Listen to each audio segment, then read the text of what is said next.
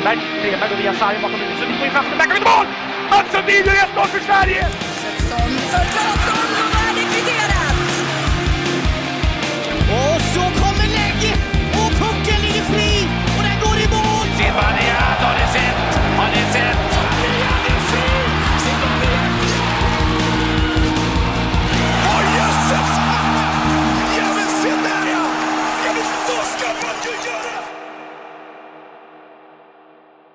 Avsnitt 113 av podcasten Sarg ut kommer till er bara, bara timmar innan Modo och Djurgården ska kicka off, eller vad säger man? Teka igång finalserien i Hockeyallsvenskan.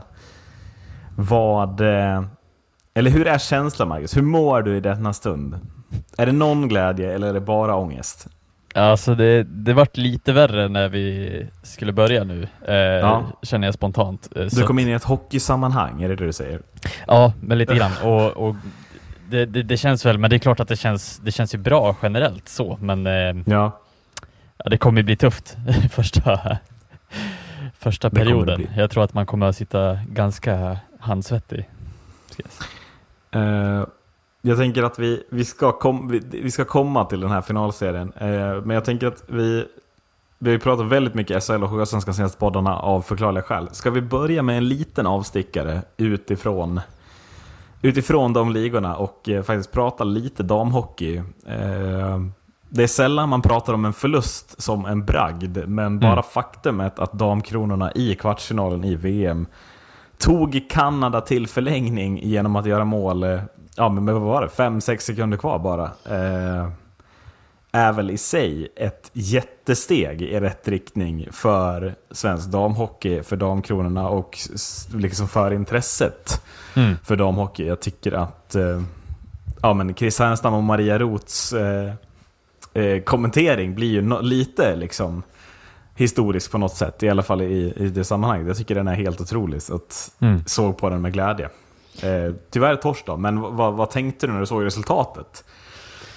Nej men det blir alltså, det är klart att det blev väldigt mycket uppståndelse kring det och ja, jag såg målet också i, Ja. eh, ja det, alltså, det är ju riktigt sån här, eh, ja men vad ska man kalla det, sån känsla bakom mål, hela, hela Ja, men precis är ett sånt liksom mål här, som man vill ska ske med fem sekunder kvar. Ja. Att helt plötsligt så blir det bara mål. Liksom. ja. Men, ehm, men eh, alltså, kände du någonting att så här, hur, hur positivt är det då?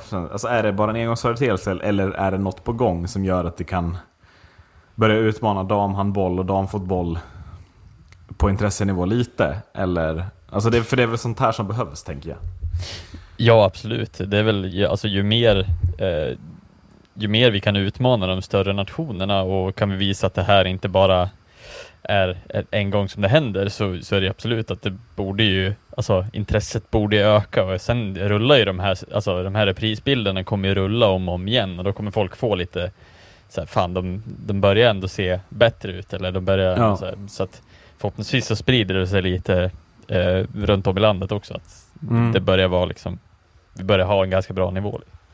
Ja, nej, men för det är ju också... Jag tänker att det som, blir, det, det som blir mäktigt med målet är ju någonstans också att... Ja, men det, det är ett Sverige som... Man ligger ju under med 2-0. Det gör man i mitten på andra perioden. Där har vi ju förutsett liksom... Kanada bara, ja men nu sätter man in extra växel så blir det 8-0, 9-0. Vad blev det i OS? 11-0 vart det väl Mm. sist. Det är liksom ett och ett halvt år sedan bara. Så, men här, dels att man gör liksom, ja men så, 2-1, man men också att man sen liksom pressar lite en hel period för Mm. att kvittera. Är inte, alltså bara det känner jag är så här, det har man aldrig sett Kanada ens råka ut för överhuvudtaget i, i damhockey. Alltså det, det är väl så hård man måste vara. Att, att ens, alltså har Kanada någonsin tappat ett överläge med 2-0 till förlust? Jag har svårt, jag har svårt att nästan tro att det ens har skett i damhockey om jag ska vara ärlig. Ja, nej, det, det är nog fullt möjligt. Det, jag, jag har väldigt dålig koll på den historien. Ja, men, men, men bara eh, känslan. Det är det ja, jag vill gå på. Eh, Precis. Var vill du då börja? Vill du börja i finalen? Eller vill du börja med Björklöven? Ja, men vi kan, eh, vi kan börja lite med kring Björ- Björklöven kan vi göra. Mm. Eh, Jag ställde ju en väldigt öppen fråga i vår chatt. Eh, vilket betyg ger du till Björklövens säsong? Jag tror att jag och du är lite oense här. Eh, men du kan väl börja motivera vad, liksom, vad tycker du om Björklövens säsong?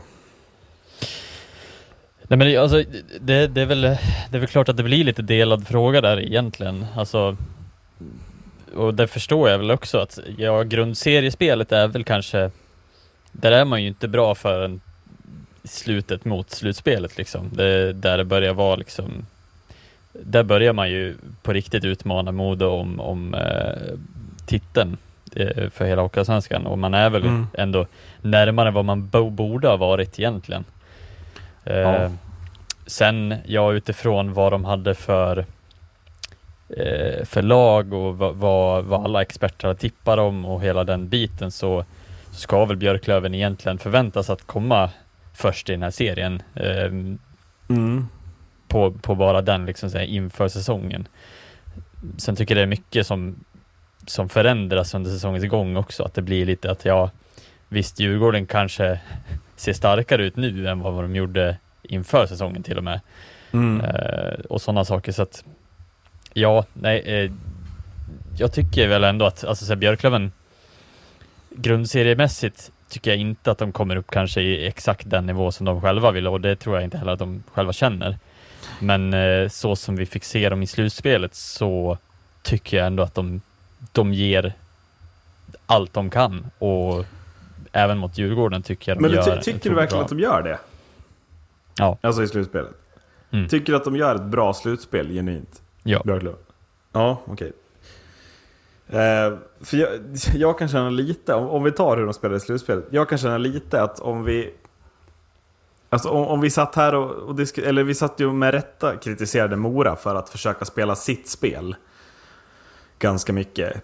Eh, och att det inte alls blir lyckat med Modo. Men har inte Björklöven fruktansvärt svårt att störa Djurgården i, det här, i den här serien på något annat sätt än liksom Fredrik Weigel-sättet, förstår du vad jag menar? Alltså man stör ju Djurgården genom att spela fult, genom att spela tufft så.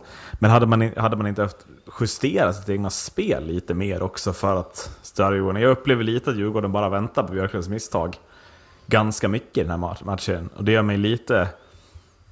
Ja, men ju, mer, ju, ju mer jag tänker på det här, alltså jag börjar landa i att Björklunds säsong, det är liksom max godkänt. Jag tycker inte man...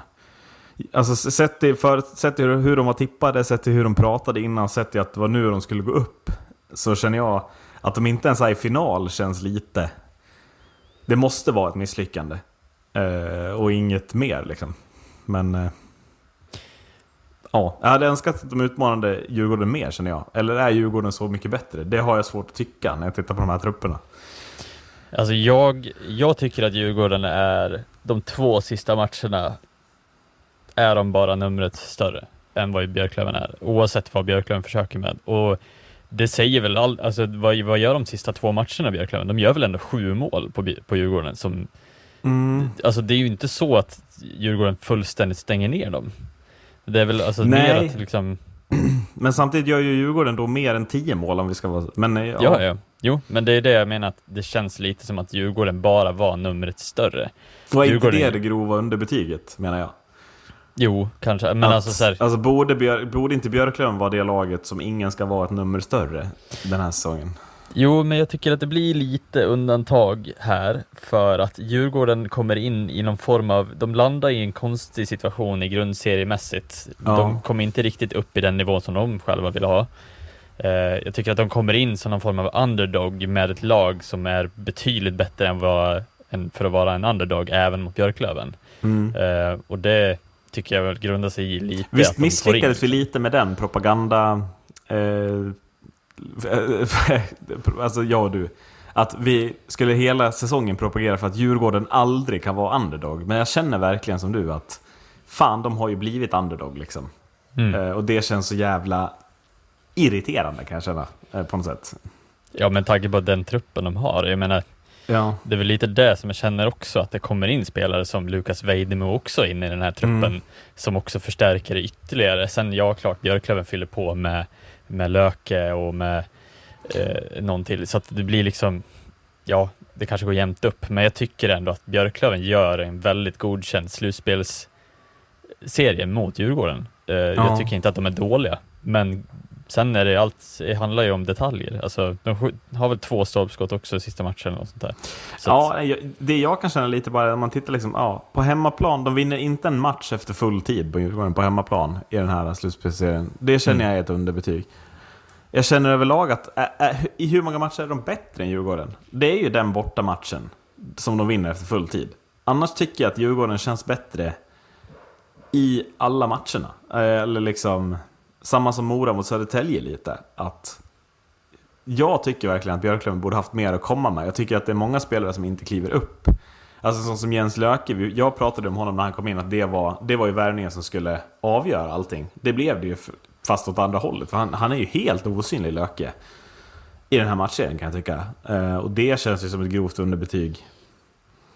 Ja, det känns som att han inte riktigt trivs i den här Björklöven-mentaliteten med, vad ska man kalla det? Jag vet inte. Hej och hå med Weigel och liksom hela Alltså det är så mycket fokus på domare, det är så mycket fokus på skador och avstängningar, på fula tilltag, på, på snacket att Björklöven typ glömmer bort att spela bra hockey. Jag vet inte, det känns som att Djurgården har en plan för hur de ska hantera Björklöven. Inte från början, men efter åtminstone tre matcher. Där känns det som att Djurgården sätter sig ner. Nu, hur gör vi för att hantera Björklöven? Och de sista tre matcherna så är man ju klocken mycket bättre. Eh, Och de två sista, numret större till och med. Liksom.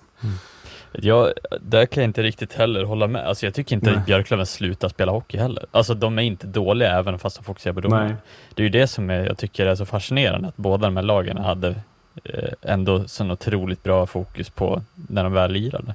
Jag tyckte inte att Björklöven, alltså sen kan det ju vara mer på en personnivå, att så här, vissa spelare kommer inte upp i den toppnivån, eller att Djurgården lyckas stänga ner, typ Nick Schilke är väl en sån, ett sånt Mm. exempel. Men jag tycker ändå att Björklöven spelar alltså otroligt mycket bra hockey, men kommer inte riktigt, alltså Djurgården gör ju det motsatt liksom bra, skulle jag säga, mer än att, än att Björklöven inte kommer upp i nivå. Ja men det är lite dit jag vill. Känns det inte som att Djurgården har en tydlig plan för hur de ska möta Björklöven? Men att Björklöven inte klarar av att justera sitt spel för att hantera just Djurgården. Jag tycker det blir lite... Jag tycker det blir problem, eller det är det som, som, är, alltså, som stör mig lite här. Jag tycker att Stråle... Det är väldigt mycket fokus på fel saker, om jag ska vara ärlig, från hans sida genom den här äh, matchen. Han blir ju en härlig profil, för han har ju sitt speciella utseende och liksom... Eh, ton mot domare och liknande. Men, men jag kan känna att kanske skulle han ha tonat ner det lite och verkligen fokuserat på hur ska vi göra för att slå Djurgården. Det står 2-2 när de åker hem till Umeå. Där och då måste ju Stråle på något sätt inse att den här matchen lär vi nog vinna om vi ska vinna den här matchen. Sen är det två raka de måste vinna om de torskar. Och det, där blir jag så besviken att Björklöven, för det är väl den matchen jag tycker de ser sämst ut i. Är ju den matchen uppe i Umeå, match 5. Eh, när man egentligen ska se som bäst ut. Och, och där börjar jag känna lite av en loser-mentalitet kan jag tycka också. Att det, det, det går liksom inte hela vägen för Björklöven. Det, det är till semifinal eller final, men det är dit men inte längre. För att man har någon som är numret större. Ja, och jag vet inte om... om alltså, man kan prata om rutin och liknande, men det finns ju i Björklöven också. Jag tycker inte att... Jag tycker det visar sig för dåligt på något sätt. Mm. Ja, nej men det är klart att det är, men jag, jag skulle mer säga åt att det är åt det hållet som jag vill dra det här är att Djurgården och Björklöven tycker jag ser ganska lika bra ut ändå. Men Mm. problemet är att Djurgårdens toppspelare ser de inte ännu bättre ut än vad Ja. alla andra gör just nu. Och, och där tycker jag det, den stora, absolut största skillnaden är, och den som jag är lite rädd för in i den här matchserien också, att Kryger, Norman, Brodin, Elliot, alla de här toppspelarna har helt enkelt bara loggat in Ja, jämfört med grundserien. De har helt enkelt hittat motivationen in i det här hockeyslutspelet och mm. eh, jag, jag, alltså jag, jag är lite orolig att, för att Björklöven gjorde sitt bästa slutspel ändå och inte lyckades för att de Ja, bara Okej, du, du, är, du är inne på det. ja, Men jag tänker, i Djurgården, tycker du de ser bättre ut nu än vad HV gjorde förra året? Det är lite dit jag vill också. Alltså att, oj, ja det där är ju jag tycker det är så svårt att jämföra också. tycker Björklöven Eh, utmanar ju HV på ett jävla bra sätt i den där Mm. matchen förra året i finalen. Alltså det är ju en förlängning Där Björklöven är bättre innan Mm. Fredrik Forsberg avgör den, tycker jag. Det är Björklöven som är närmare att göra, fixa 3-3 matcher. Mm. Än vad HV och få 4-2. Nu blir det ju 4-2. Och det kändes ju rimligt att HV skulle gå upp. Mm. Men jag känner ändå att det kändes som att Björklöven hade tagit ett steg till i år. De hade värvat ännu mer toppspelare. De hade en tränare på plats som kändes som att hela laget trodde på. Jag vet inte, vad är det som brister då? Alltså, är, vilka spelare är man inte nöjd med? Löke en, jag vet inte, vad ska man nämna för fler spelare? Voutilainen, för dålig, för dålig keeper kanske, jag vet inte. Ja, Kilki är väl i Ja. jättebesvikelse skulle jag säga. Men Mm. samtidigt, Djurgården stänger ju ner honom. Alltså han ser ju inte dålig ut eh, spelmässigt, men han får bara inte han får bara inte tiden helt enkelt, eh, tycker jag. Eh, men det jag är lite orolig för, om man ska jämföra det mot HV också, eh, det som är lätt att glömma, jag tycker att de toppspelarna som var de bästa spelarna i HV förra året är ju liksom Tyler Wessler och Fredrik Forsberg Mm. de toppspelarna som är i Djurgården i år, det är liksom Marcus Kryger, John Norman och Brodin. Det känns som en till nivå av, av toppspelare också uppe på det. Eh, Jo men och sen så också, det där det där som- är också en sån där grej på tal Alltså så, John Norman. Hur, har han varit så bra verkligen? Det är också så, så här, nu är han plötsligt en underdog. Han är lite bättre än vad han var tidigare. Mm. Då ska man hylla honom. Jag tycker fortfarande han gör en katastrofal säsong. Brodin kliver ju upp på riktigt här. Han Mm. kliver ju upp mycket mer än Norman. Och Kryger är ju Kryger. Han är ju utan tvekan Håkanssonskas bästa spelare den här säsongen. Alltså det, det går ju inte att säga något annat.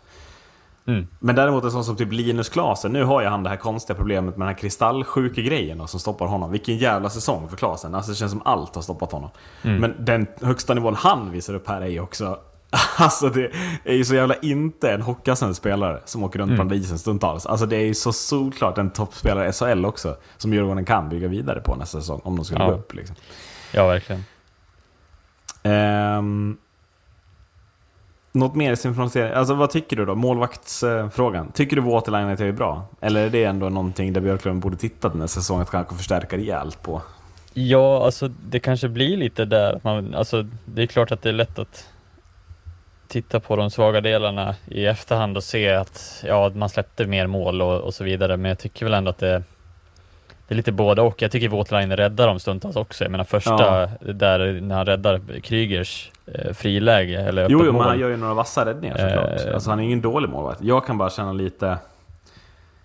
Hade Björklöven haft en toppkeeper så Mm. hade väl ändå den keepern utmanövrerat Jesper Myrenberg i den här semifinalserien.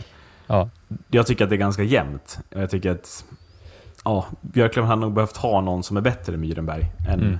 Och inte någon som är lika bra typ. Men Nej precis, och, och det är väl också lite det här om man, om man ska ställa det mot Modo och Djurgården som nu är i final så tycker jag väl ändå att Waterlinen är av den svagare länken eh, mot, jämfört med båda, alltså både Djurgården och Modo.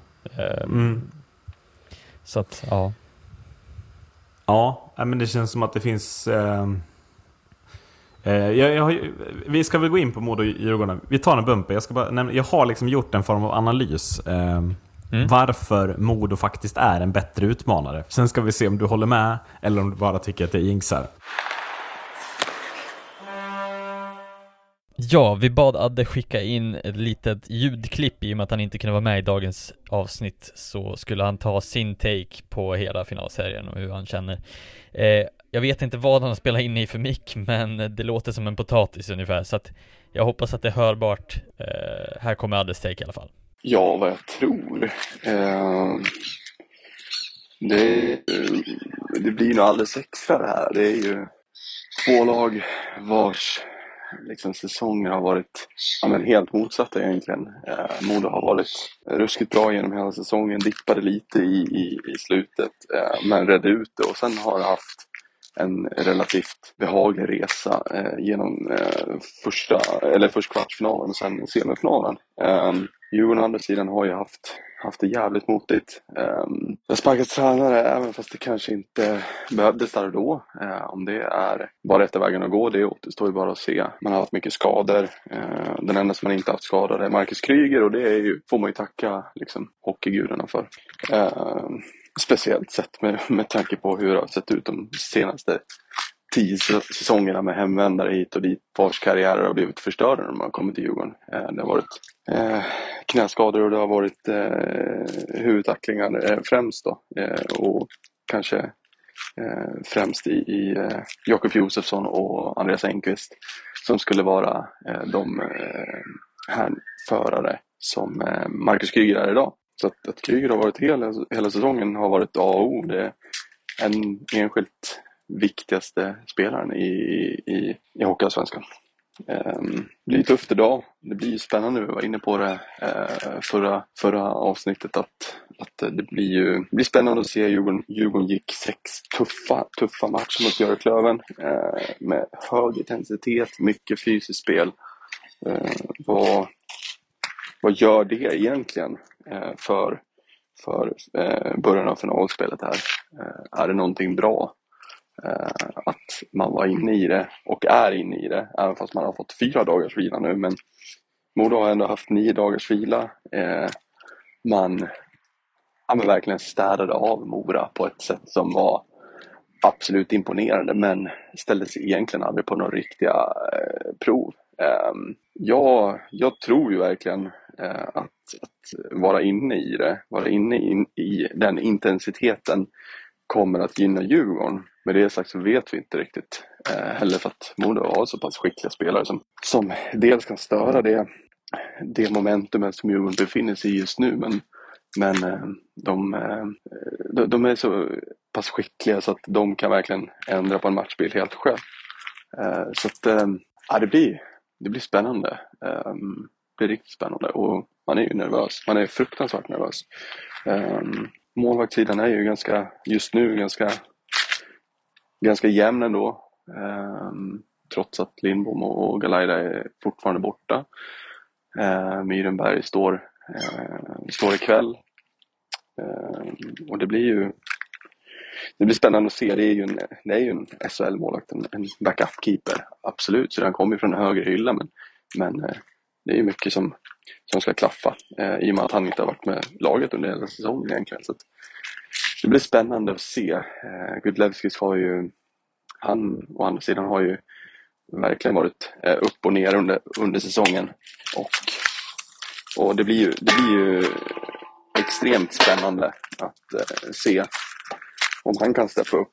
Och går man med, med Gudlevskis eller går man med, väljer man att kanske gå med, med eh, Tech, det, ja, det återstår ju bara att se. Det är ju vi vet inte riktigt, riktigt vad det blir. Det känns också som att Karlin absolut kan tänka sig att gå eh, först med Gulevskis. för att sen ja, men inte vara tillräckligt imponerad eh, och då eh, gå på Tex istället. Det är ju, Tex har ju varit borta hela säsongen men det är en erfaret bra keeper som, eh, som absolut kan, kan störa Djurgårdens eh, stjärnor framåt. Eh, men ja, det blir, det blir intressant, eh, helt klart. Eh, och eh, ruggigt spänd just nu eh, på att se vad, vad det landar i. Man eh, har ju, jag vet inte om man har klump i magen, det är mer att man är eh, exalterad och, och, och nyfiken och, och, jävligt bara taggad på att det ska dra igång. För det kan bli en sjuhelsike-serie. Eh, inte på samma sätt som Djurgården-Björklöven var utan mer att, ja, mer att, eh, att eh, det är ett jävligt bra spel liksom. Eh, så att, ja, det blir det blir jävligt spännande, helt klart. Eh, så får vi se vad det landar i då. Jag tänker att jag har lite nycklar i varje lag. Eh, som du ska få reagera på. Hur de ska vinna matcherna, varför, eh, varför Modo är en bättre utmanare kan vi väl till att börja med. Börja med. Eh, jag tycker att Modo är en bättre utmanare än Björklöven, sett hur det ser ut. För att man ett, troligtvis har en bättre målvakt än vad Björklöven har, ändå. Och visst är det inget snack om att Lindbom eller Galaida är tillbaka va? Utan det är Jesper Myrberg som kommer att stå. Är det inte en otroligt stor nyckel för Modo här att det gäller att Christer Gulevskis räddar betydligt fler skott än vad Jesper Myrenberg gör eh, om det här ska gå vägen. Det är lätt att säga men ja. Mm. Det känns som att eh, mm, skjut sönder Myrenberg är jag lite inne på. Mm.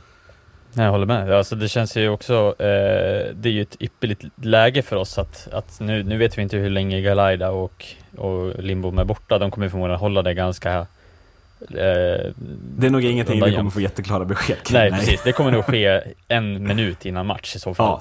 Eh, så att, men, eh, och, och där håller jag med dig helt. Att, alltså Guledskis, jag var lite osäker på om han skulle vara första spaden, men sen, sen slutspelet börjar så tror jag Guledskis har varit nyckeln till att vi faktiskt har gått så bra i slutspelet som vi Han har ju steppat också. upp, det är Ja. helt klart i alla fall. Eh, och Tex har fått stått, han är en bra backup, men just nu är han bara en bra backup. Mm. Eh, han är inte i den nivån som han hade förra säsongen och det är helt förklarligt i och med att han också har inte spelat större delen av säsongen Nej. Där tycker jag väl att, ja, där håller jag med. Vi har, alltså, vi har en större möjlighet där eh, om Myrenberg står nu eh, de här matcherna framöver. Eh, jag tycker att vi har kapaciteten framförallt till att utmana Mm. eh, Myrenberg ganska rejält och då gäller det väl att se hur, hur rutinerad är Myrenberg gentemot Kuleskis. Ja, det kan bli en ganska bra matchup. Mm. Nej, och jag känner också lite, Jesper Myrberg har inte, alltså han har inte varit dålig, men det är ju inget monster han har varit. Alltså, Modo går ju inte in i den här matchen och tänker att här kommer vara svårt att göra mål, utan får ni lägena så kommer ni väl knäppa dit dem. Ehm, jag tänker så här, det som jag tycker är, för Modos del, det absolut viktigaste, eh, eller det som är er stora edge, som ni måste utnyttja, eh, det är ju att ni har en betydligt spetsigare backsida. Eh, ni har en spetsigare backsida än Björklöven. Ni har betydligt mer hot på backsidan än vad Björklöven har. Alltså inget ont om de här med sådana som Kim Johansson, Jakob Andersson. Jag förväntade mig verkligen mer av sådana spelare. De kommer från SHL, kommer ner. Jag tycker att det ska vara bättre leverans. Mm, Nässén Bernhardt framför allt. Där känns det väl som att ni får en till dimension i anfallsspelet som blir så jävla mycket farligare. Och det ska bli intressant att se om Djurgården klarar av att manövrera bort det också.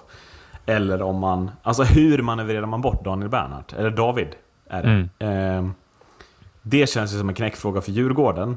Och om Djurgården löser den frågan, ja det vill nog inte Modo att de ska göra. Men jag tror inte att de gör det. Utan jag tror att David Bernhardt som enskild individ kan vara liksom nyckeln till avancemang för Modo här. Att det är ju liksom på samma sätt som Kryger är för Djurgården. Men, men att de spelarna på egen hand skulle typ kunna hålla liv i matcher. Ja, nej, jag, jag har faktiskt suttit och funderat på den där frågan själv. Vad är det Mm. som ska stoppa David Bernhard från... Alltså det är ju... Det ska ju till någonting alldeles extra och då, det, det gäller väl för Djurgården att vara på honom ganska rejält. Ja. Alltså både mentalt men också fysiskt.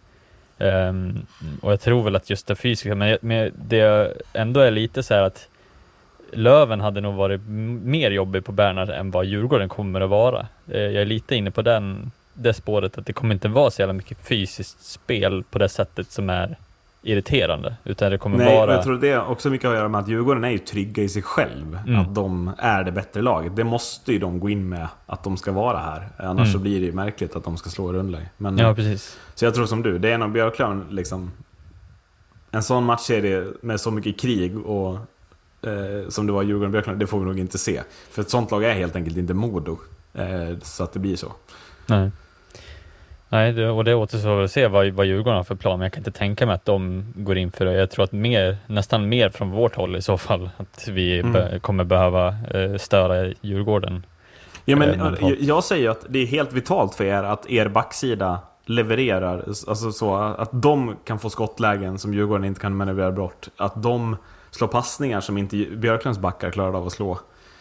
Jag menar, det, är för mig den stora nyckeln. Alltså Djurgården har Stefan Elliott. Bakom Mm. där, jag tycker fortfarande att det är en tunn backsida. Jag kommer snart till den tredje punkten. Men, men jag, jag tycker att det är, väl, min- det är väl egentligen också en, jag vill lägga till på Björklöven, med att jag tycker att de utmanar den här backsidan för dåligt. Alltså Mm. Stefan Elliott, du ser det målet Joel Mustonen gör, det är väl i sista matchen nu. Alltså defensivt finns det ju fortfarande att klaga på på den här spelaren. Det är ju med puckarna som starkast, det visar han ju. Men jag tycker man måste våga utmana de här. Eh, både mentalt, och, men också fysiskt, eh, liksom över hela matcherna. Ja, det ska bli intressant att se hur ni, hur ni levererar. Mm. Eh, för att punkt tre, det tycker jag är... Det här är min största hang-up den här säsongen. Men det är för att den har funkat så bra mot Mora. Men er jävla första press alltså. Eh, mot Mora när ni såg som bäst ut, då såg ni jävligt bra ut. Det är ju när första pressen funkar. Och att ni vänder ju. Innan mittlinjen vänder ni ju tillbaka ner i anfallszon. Och jag är ju inne på att de här gubbarna som gillar att anfalla Djurgården, deras lite svagare backsida, de kommer tycka att det är väldigt jobbigt att ha långa defensiva byten. Eh, så att jag tror att Modo måste ha tålamod och våga ha de här långa anfallen, även om det inte resulterar i kanske ens ett bra skott. Men att våga, våga, våga. Inte slå avgörande passningar, utan våga vara där nere. Våga sätta pressen på dem hela tiden och göra det jobbigt för Djurgården. För att annars så...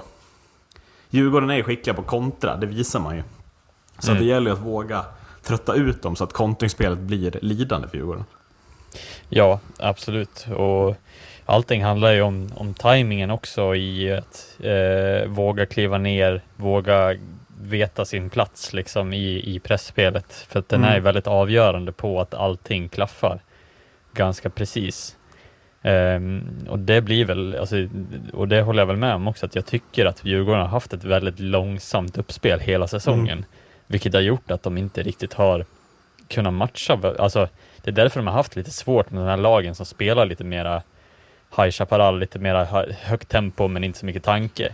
Då blir det lite svårt att eh, att om man inte tar sig ur tillräckligt snabbt ur zonen så kommer de ju inte liksom, då kommer de ju fastna där. Det är väl Mm. där jag tror också, som håller med dig, liksom, är att eh, det är ju, alltså får vi fast den pressen om och om igen, då kommer Djurgården få det otroligt tufft. Eh, Ja, men alltså, då det kommer de tappa tungt. huvudet lite också. Då Ja. kommer man chansa, man kommer ta liksom, chansbyten, man kommer chansbryta.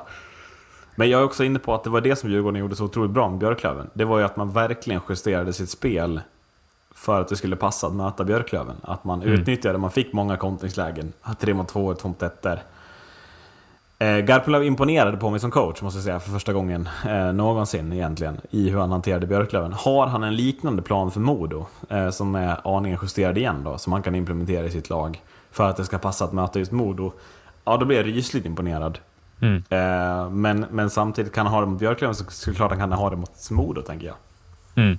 Ja, absolut. Och där blir det väl lite av en coachkamp som är lite motpoler mot varandra. Alltså Kalin spelar ju väldigt mycket mera anfallshockey, lite mera Ja. liksom så här, lite mera hög press eh, och det gjorde han väl även i Västervik också. Ja men just det här att och fram, återigen, det, vända vid mitt, alltså så, om, om, Mm. om man vinner tillbaka pucken, och ta inte hem den, åk och byt och liksom börja anfalla igen, utan vänd ner hela tiden. Skicka ner den och så anfall på nytt liksom. Mm. Det, det är kul att anfalla i verkligen Kalins motto känns det som när man tittar på Modos hockey. Mm. Och möter sin motpol där det är kul att försvara och spela lite mera eh, på säkerhet och trygghet. Eh, så det blir ju, ja, det kommer ju vara en otrolig eh, liksom, kontrast på hur, hur den här matchen ser ut. För Jag vet inte Anfall är bästa försvar, möter försvar är bästa anfall. Är det lite där vi Ja. landar eller? Mm. Ja, och jag har ingen aning om hur det kommer att landa och se ut första matchen här. Det, Nej. att, det ska bli väldigt intressant.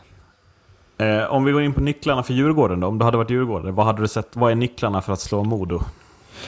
Ja, men nycklarna är, alltså vi har ju våra svagheter som, som heter alltså längre pass. Ja. Eh, AIK var faktiskt ganska imponerande bra på just den när de fattade att eh, om vi slår förbi första pressspelaren, om vi kan ha lite mera kyla i vissa uppspel Mm. och kan spela en längre pass där en kille sticker längre upp och får igenom liksom där tror jag ändå att det finns, alltså så här, vi är ganska känsliga för kontringar om vi tappar en gubbe i vårt pressspel i och med att vi Mm. pressar ganska högt med backarna också. Eh, de fyller ju gärna på också neråt. Så där Ja. blir det ju lite att kan Djurgården få förbi våran första press, kan de få förbi första man som kommer och pressar och andra spelare också. Det är väl där som det blir, alltså kontringslägena för Djurgården kommer ju att kunna bli ganska farliga och jag menar två mot ett Djurgården, det är där de är, där är de ju vassa. Mm. Eh, så att det finns svagheter i våra spel. Vi har även haft lite problem med eh, i, i snurren i egen zon också i vissa fall. Jag tycker vi har blivit bättre i slutspelet, men det är just kontringarna som jag är otroligt orolig för. Eh, Ja. För där finns det ju, om vi tappar huvudet, tappar en spelare, någon halkar, vad som helst. Där har vi ju liksom, där finns det ju ingenting att, att backa upp med. Eh, jag tänker också, skulle inte Djurgården också må väldigt bra av att försöka störa rytmen för era liksom, skridskoskickliga spelare? Alltså en sån som Nick Halloran, Riley Woods, även typ Oscar Pettersson om man ska hålla det. Men, men sådana spelare som gillar fart. Eh, Sebastian Olsson är kanske ett bättre Mm. eh, alternativ. Alltså spelare som gillar fart, som gillar liksom så åka, åka, slå sin gubbe, åka runt, alltså så hålla i pucken ett tag. Det känns som att om man stör deras rytm så hamnar de lätt, att de blir osynliga men kanske också tar lite fel beslut på isen, kan jag uppleva. Eh, I matcherna där de ser som bäst ut, Olsson hade ju en mot Mora, Halloran hade ju en mot Mora. Eh, där, där är de ju hur bra som helst, då går ju allting deras väg. Men stör man ut sådana spelare så slutar det också med att de kanske slår för en indianare. Och då kommer ju Djurgårdens rutin, alltså den är ju vassare än alla lag såklart, sett till spelare de har. Eh, Och den sm- smittar ju av sig på spelare som Noah Östlund också. Men stör man de spelarna, framförallt deras rytm, att de inte får utnyttja sin skridskoåkning så mycket som de kan, så tror jag man... Då tror jag man har mycket att vinna och få bort mycket av Modos också. När, de, när ni väl har etablerat ert anfallsspel så är de här spelarna gillar ju att ta sina raider. eh, Och det vill ni att de ska göra, för de får ju försvaret att röra på sig. Men hittar man rätt sätt att störa dem på så kommer man att kunna vinna puckar enkelt av dem kanske. Ja, absolut. Och där, där är väl eh, mycket upp till tålamodet, eh, kan jag tycka. Mm. För vad jag, vad jag kan tänka mig att vi, alltså, i och med att vi har, vi har ju väldigt mycket platsbyten i, Mm, i mm. vårt anfallsspel. Vilket eh, det är då vi spelar som absolut bäst, när vi får den här rytmen i att byta back forward mellan varandra. Och Om jag tror folk att det, undrar vad du menar så kan man säga att när det lyckas, det är då ni lyckas sätta en sån som David Bernhardt inte i lägen från blålinjen, utan han Mm. hittar skotten nästan mellan tekningscirklarna för Precis. att ni har rört till det så mycket att han hittar en yta. Det är typ så. Mm. I slutspelet har det varit väldigt bra, det är därför Bernhardt har gjort åtta mål. Han har Ja. ju hittat den där ytan. Alltså målen kommer ju inte från blålinjen liksom. Nej. Utan den kommer ju... Mm. Precis, och det, det handlar väl om att vi får sån pass rörelse på försvarsspelet att det, det är omöjligt att till slut hålla tätt överallt och då kommer Ja. Bernhard som, en, som ett flaggskepp ner. Ja, är det inte, alltså nu har det varit väldigt mycket Bernhardt som blir fokus på, men det kommer ju andra spelare också Mm. i de lägena. Alltså, titta sista matchen mot Mora, där kommer Daniel Mannberg exempelvis.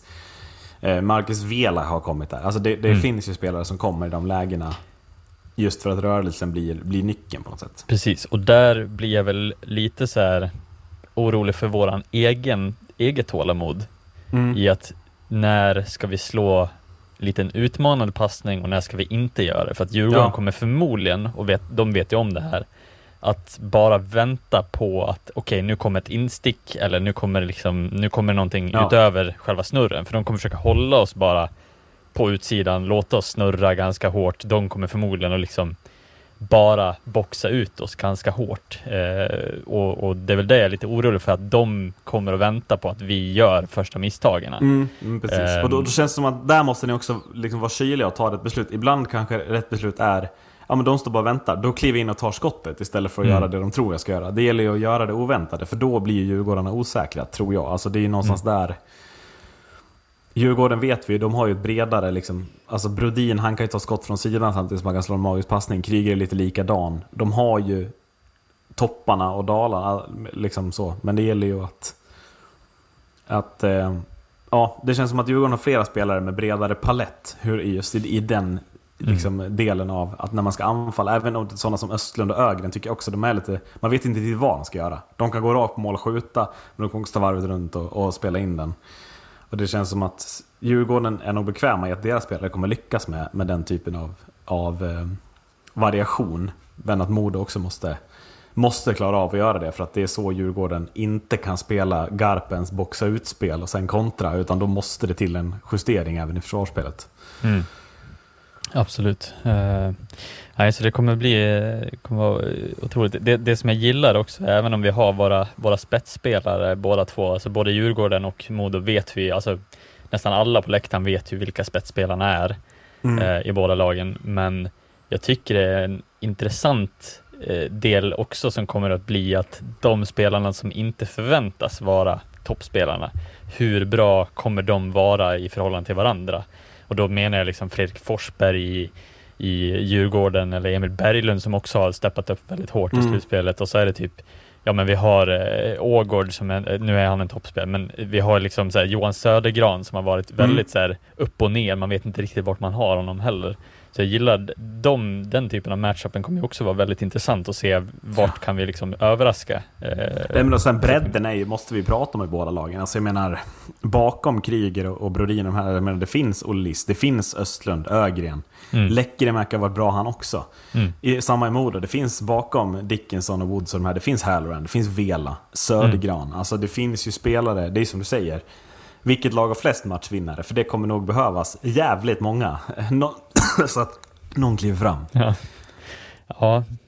Eh, och man kan ju sitta, alltså, kan ju sitta hela dagen, eller ja, fram till klockan 18.30 när pucken släpps Ja. och bara spekulera i vad kommer hända. För det är lite, det känns lite som att man vet inte riktigt vad man kommer få utav den här första, Nej, eh, nej. första matchen heller.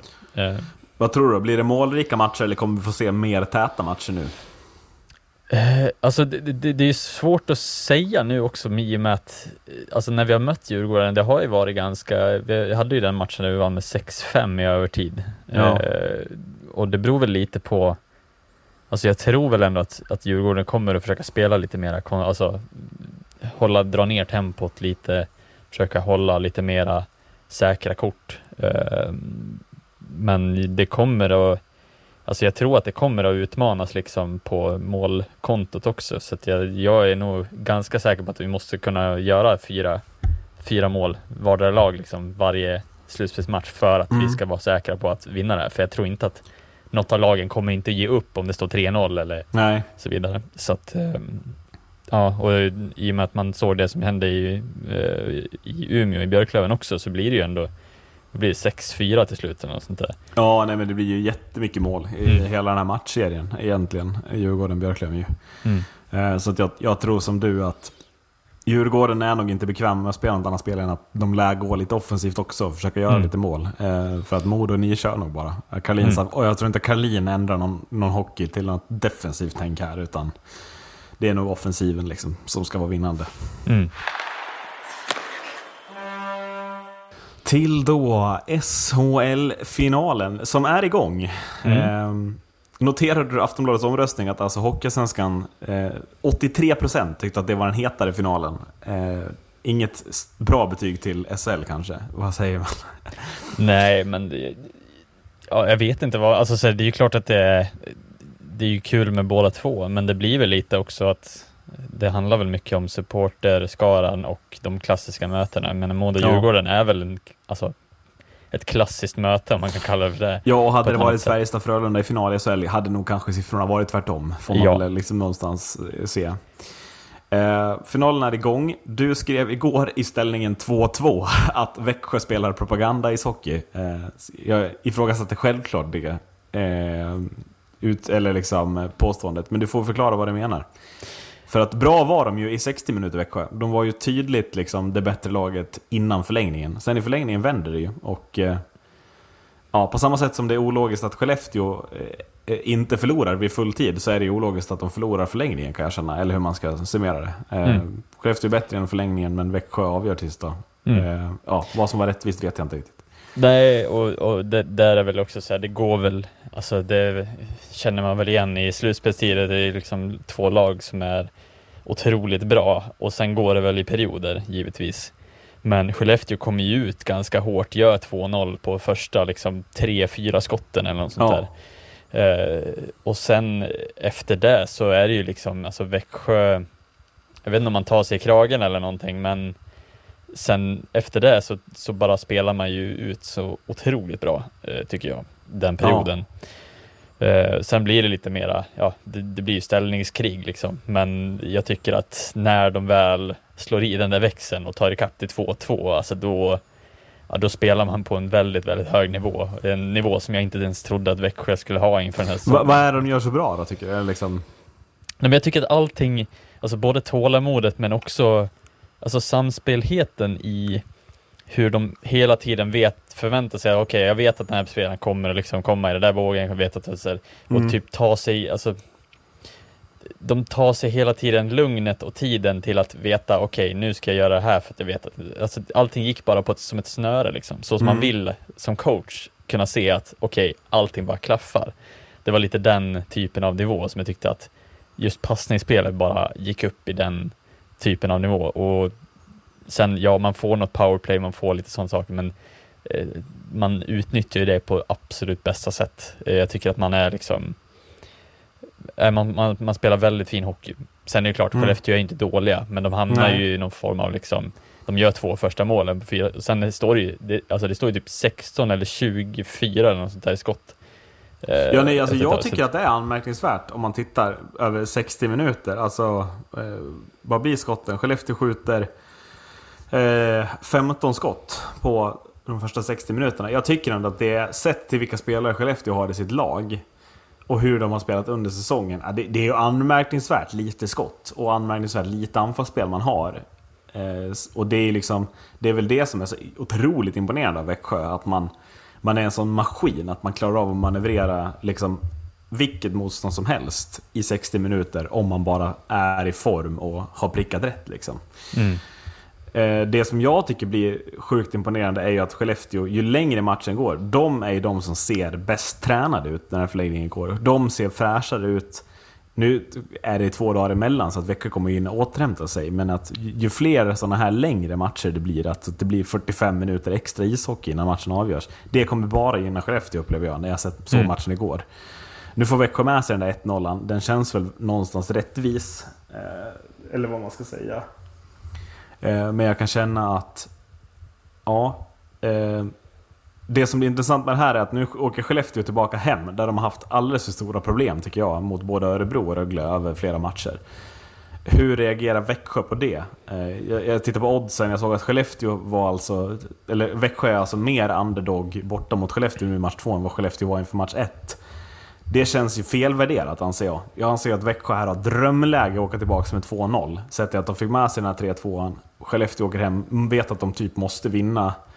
Växjö tagit två raka bortamatcher mot Frölunda för Skandinavien. Ja, det skriker lite drömläge för Jörgen Jönssons mannar här att, att åka och, och spela tråkigt men ta hem en seger och sen är det, har man chansen att, att, att liksom ta, då har man ju flera hemmamatcher att bara avgöra på sen.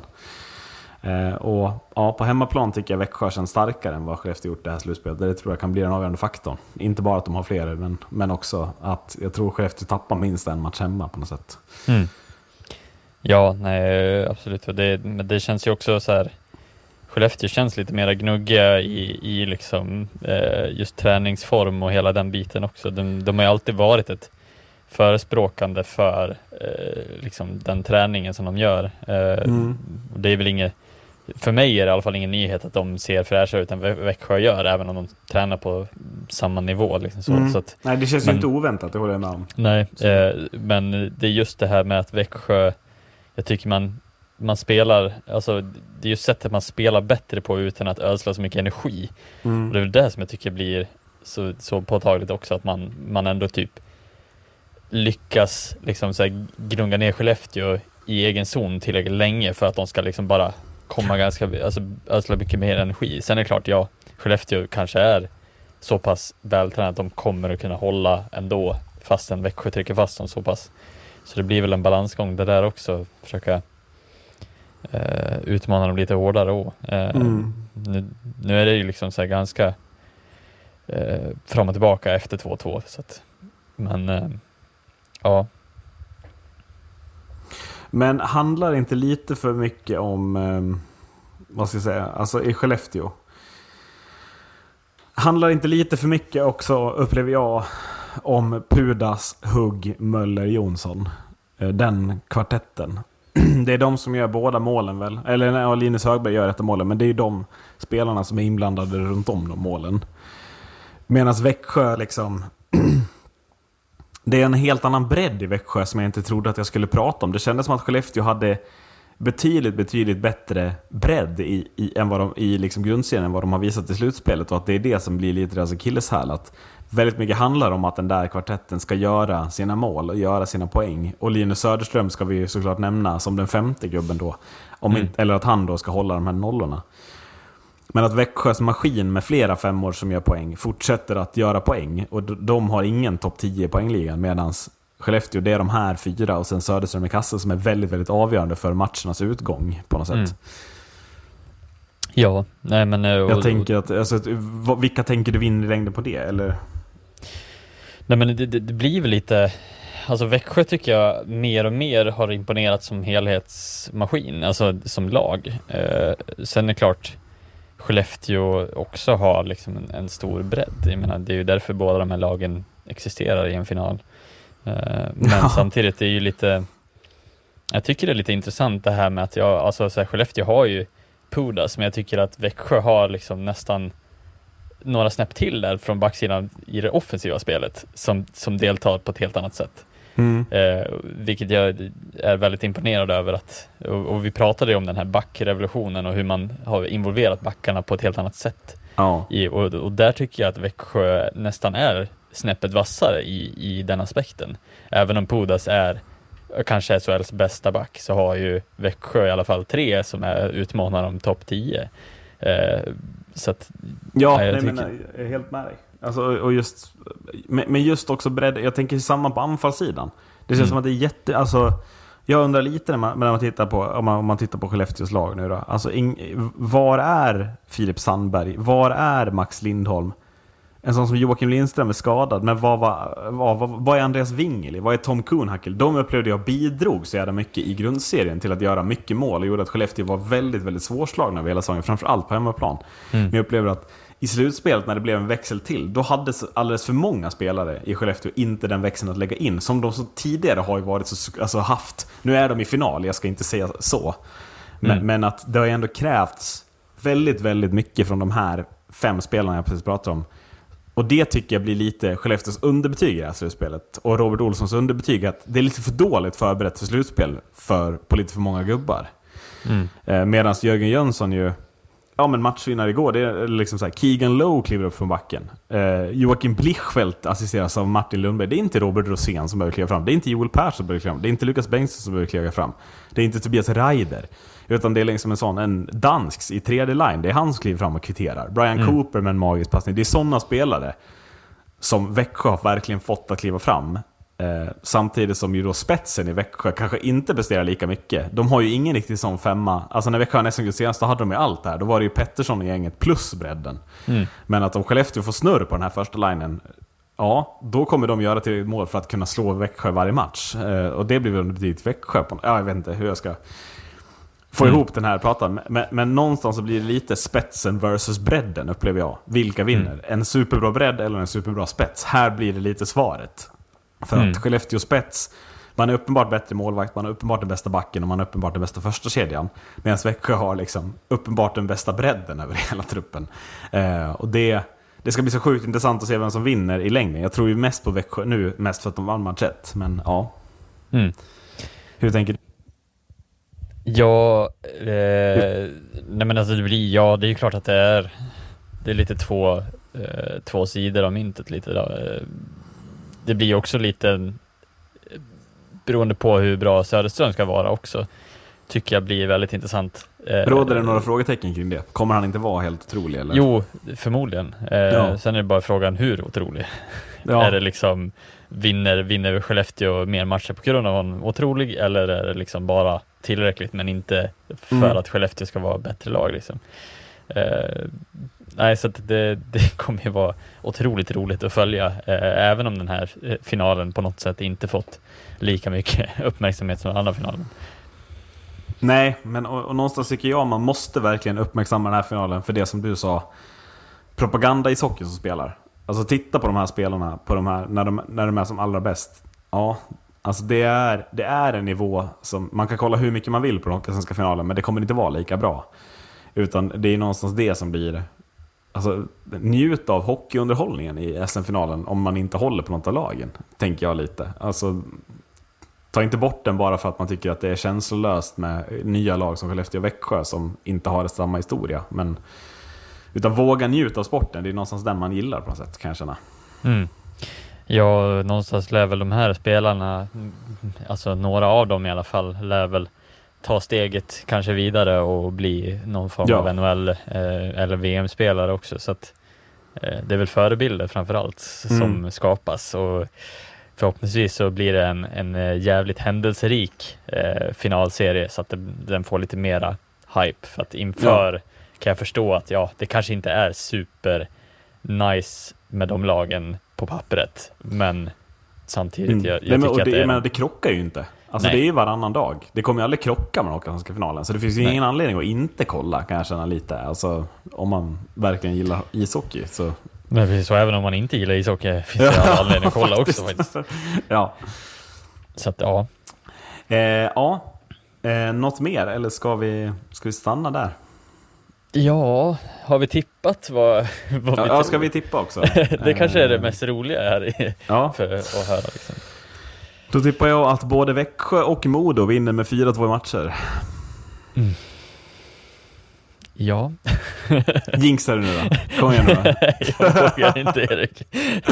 Hjälp Tippa mig. Djurgården. Det är Ja, bäst. Nej, men Jag tror att Djurgården kommer att ta det här till Mm. sju matcher. Jag tror att det blir 4-3 och jag kommer sitta gråtandes sista matchen för Ja. att Kryger har satt dit avgörande. Efter att Eh. Daniel David Bernhardt ramlat på blå linjen och Brooke Montpettit fått ett enmatcherskontrakt. Ja. Eller, ja. Ja, eller så är det Daniel Brickley som tappar pucken på en. Ja, det skulle... Vet, du vad? Det känns lite för givet att det skulle hända. Ja, det känns som att det är för lågt odds på att det händer. Att Brickley är bort sig. Ja. Ja.